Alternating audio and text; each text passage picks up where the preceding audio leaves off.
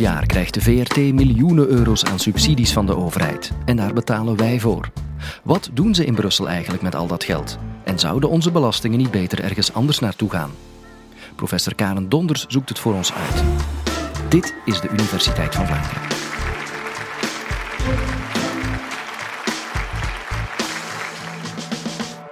Schaffen we de publieke omroep best af en geven we dat geld aan YouTube? Het is een moeilijke vraag en het antwoord daarop varieert eigenlijk van waar je bent in Europa. Misschien eerst heel even kort, wat is een publieke omroep eigenlijk? De wetenschappelijke literatuur definieert een publieke omroep als een organisatie die vooral op basis van overheidsmiddelen de hele bevolking aanspreekt met een mediaaanbod op vlak van informatie, cultuur, educatie, ontspanning en sport. Bij ons is de publieke omroep de VRT, de Vlaamse radio- en televisieorganisatie. En die VRT die bereikt op weekbasis ongeveer 90 procent van alle Vlamingen. Nu zal u misschien zeggen, dat is wel veel, want ik kijk eigenlijk nooit naar één of naar Canvas. En mijn kinderen van 14, 15 jaar die kijken al helemaal niet. Maar u moet weten dat de VRT natuurlijk meer is dan die twee televisiezenders. Er is ook Ketnet, dat heel populair is bij de kinderen. Er zijn ook heel wat radiostations. Denk aan M&M, Stubru, Radio 1, Radio 2 en Clara. En daarbovenop zijn er ook nog heel wat online diensten. Zoals bijvoorbeeld sporza.be of VRT Nu, waar je programma's kan kijken wanneer jij als consument dat wilt en niet wanneer ze uitgezonden wordt. Hm? Die VRT die doet niet zomaar wat ze wil. Er zijn een aantal high-level afspraken die gemaakt worden met de Vlaamse regering. Daar wordt een contractje van gemaakt. We noemen dat contractje de beheersovereenkomst. En dat contract is geldig voor een periode van vijf jaar. Daar staat bijvoorbeeld in dat de VRT aandacht moet hebben voor cultuur, voor Vlaamse geschiedenis, dat men moet investeren in onderzoeksjournalistiek, maar dat men ook alle meningen in de samenleving aan bod moet laten komen. En in ruil voor het naleven van die afspraken krijgt de VRT op jaarbasis ongeveer een 270 miljoen euro van die Vlaamse regering, van jullie dus eigenlijk. Dat komt neer per hoofd van de bevolking op een kleine 40 euro. En daarbovenop komen dan nog wat commerciële inkomsten. Hè? Dus inkomsten uit reclame bijvoorbeeld. Er is al wel eens kritiek op die VRT. Hè? Dat weten jullie. Sommige mensen vinden dat de informatieprogramma's niet altijd heel objectief zijn. Anderen vinden dan weer dat er wat meer cultuur op die publieke omroep zou moeten zijn. Anderen zeggen nee, alsjeblieft niet meer cultuur, liever wat meer ontspanning, wat meer humor. Um, en in de commerciële sector, bij bijvoorbeeld een VTM, vinden ze het ook al wel eens niet zo tof dat die VRT geld uit die reclamemarkt weghaalt.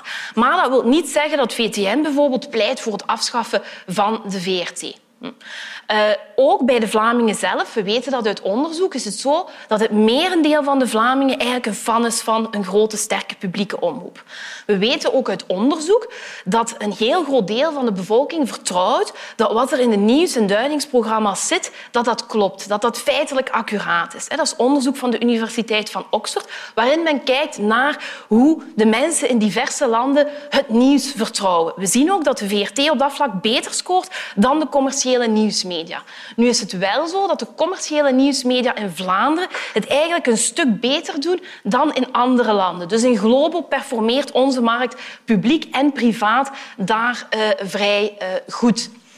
Nu, wil dat dan zeggen hè, dat niemand is voor het afschaffen van die publieke omroep in Vlaanderen? Uiteraard niet. Er zijn een aantal wetenschappers, zeer kleine groep, die zeggen van het mag toch afgeschaft worden of een stukje kleiner. Want waarom in tijden van YouTube en Netflix hebben wij zo'n publieke omroep nog wel nodig?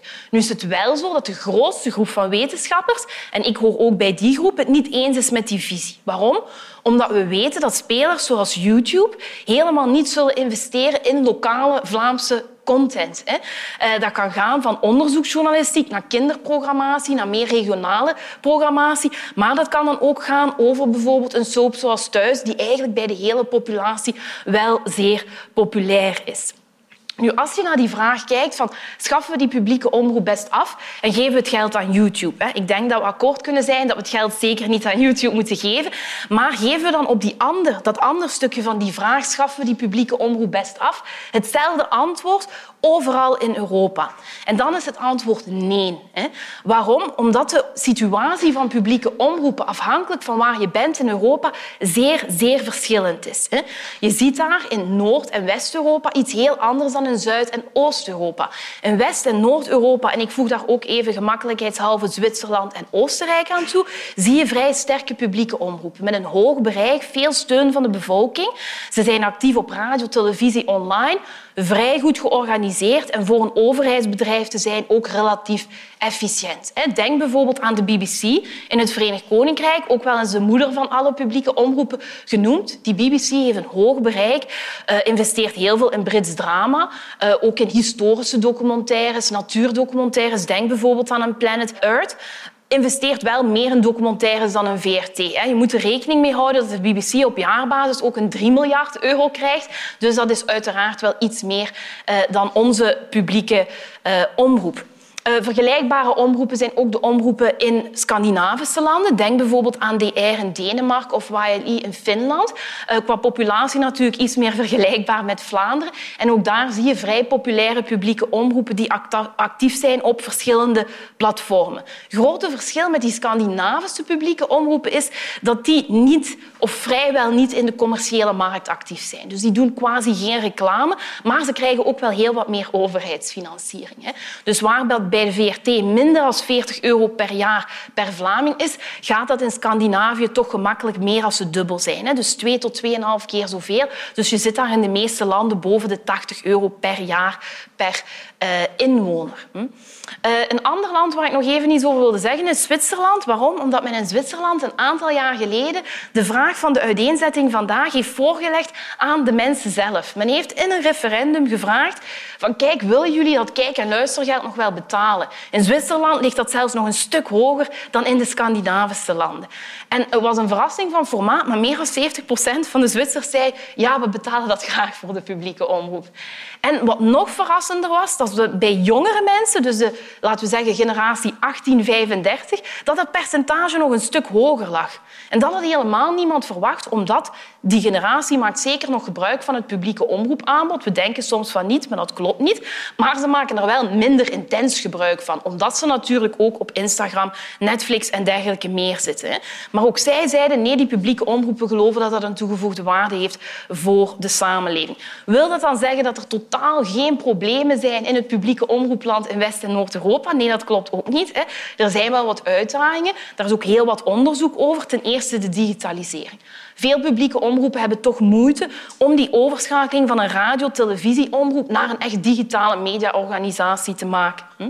Op dat vlak moet er echt een tandje bijgestoken worden, zeker als je die jongeren wil blijven bereiken. Het tweede probleem is ook dat we weten dat sommige groepen in de samenleving zich minder goed aangesproken voelen door die publieke omroep. Denk bijvoorbeeld aan migrantenpopulaties. Die vinden vaak dat die publieke omroep niet echt van hun is en hun ook stereotyp afbeeldt.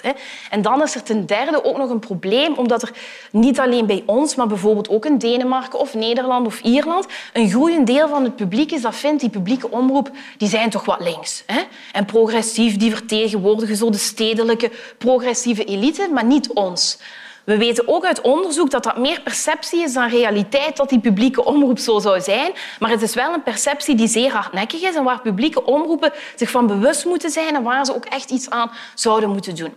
Nu, dat is de situatie in West- en Noord-Europa. Als we dan onze blik verleggen richting Zuid- en Oost-Europa, daar zien we echt iets helemaal anders. In de meeste landen zie je daar publieke omroepen die toch vrij inefficiënt zijn, vrij logge bureaucratische organisaties en die ook te kampen hebben met politisering. In landen zoals Italië en Spanje zie je zo afwisseling tussen wat wij dan noemen zachte en harde politisering.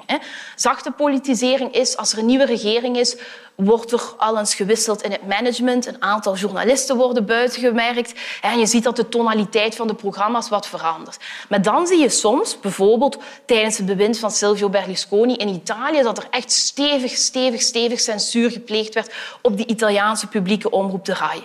In Spanje zie je gelijkaardige dingen. In Spanje daar zie je heel duidelijk dat de nationale publieke omroep RTVE toch heel partijdig bericht over bepaalde issues. Denk bijvoorbeeld aan Catalonië, waar een deel van de bevolking en de politieke partijen strijdt voor meer onafhankelijkheid, dan zal je zien dat een RTVE daar heel negatief over bericht en heel erg voor dat unitaire Spaanse verhaal is, waar je toch van een publieke omroep zou mogen verwachten dat die meer terughoudend, onpartijdig, objectief op dat vlak eh, informatie aan de burger verstrekt. Dus je merkt meteen die politisering, dat is wel een hellend vlak.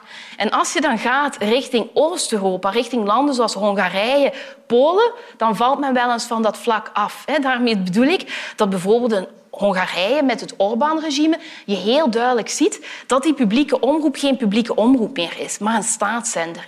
Een zender die niet aan informatie doet, maar aan propaganda. Die niet aan culturele verrijking doet, maar die heel specifiek bepaalde dingen van de cultuur belicht en andere dingen die de regering niet wilt, niet aan bod laat komen. Ik heb zelf de laatste jaren heel wat onderzoek gedaan naar de situatie in Polen, die zeer precair is, waar de overheid de facto bepaalt wat u als burger ziet eh, en hoort eh, en kan lezen, bijvoorbeeld op websites van de publieke omroepen. Ik geef er een aantal voorbeelden van om dat meer tastbaar te maken. Journalisten, is heel gewoon dat journalisten ochtends een blad krijgen waarop staat dit zijn de topics waar u vandaag het nieuws mee gaat vullen.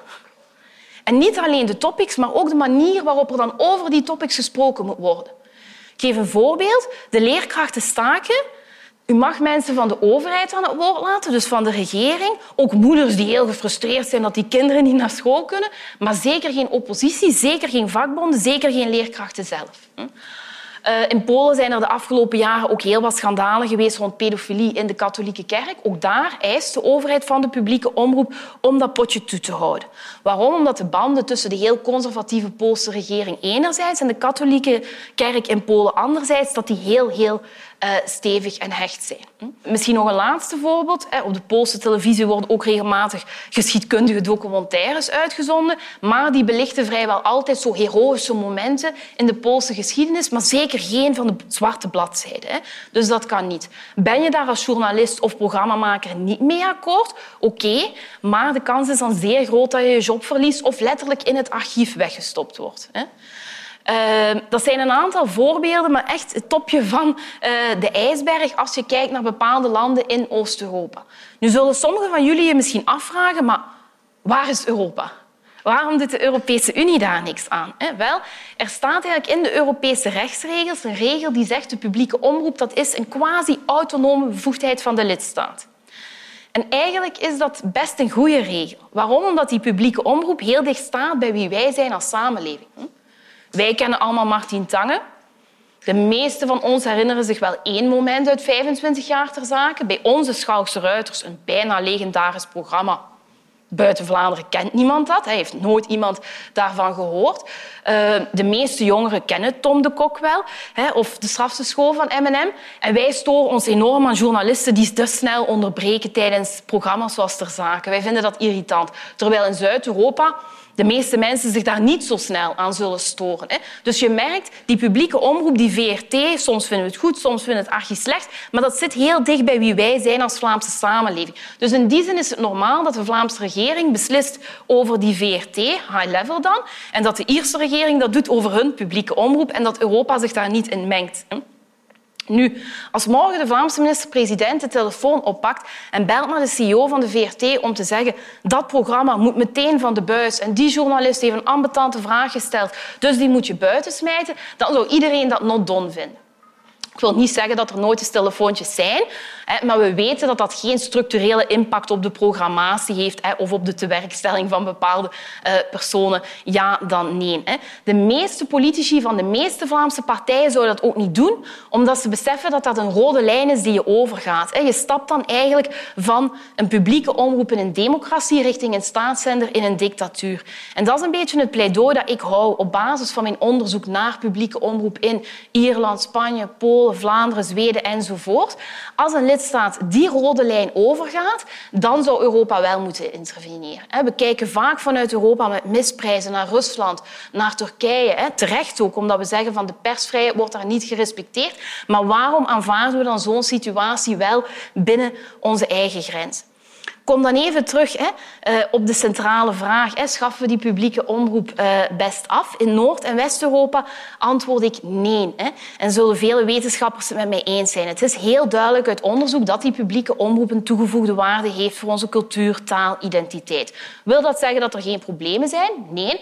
Het kan vaak beter en het moet zeker beter, maar in Globo is dat een goed systeem. In bepaalde Zuid- en Oost-Europese landen zou je daar best wel over nadenken. Waarom? Omdat die publieke omroep niet de belangen van het publiek deelt, maar een megafoonfunctie opneemt voor de regering. En uiteindelijk dient die publieke omroep wel niet de belangen van de concurrentie, niet die van politici, wat sommige politici daar ook mogen over denken, maar moet de publieke omroep de belangen van het publiek dienen, van u dus. Zolang de VRT goede programma's blijft maken in plaats van aan politiek te doen, lijkt er dus geen vuiltje aan de lucht.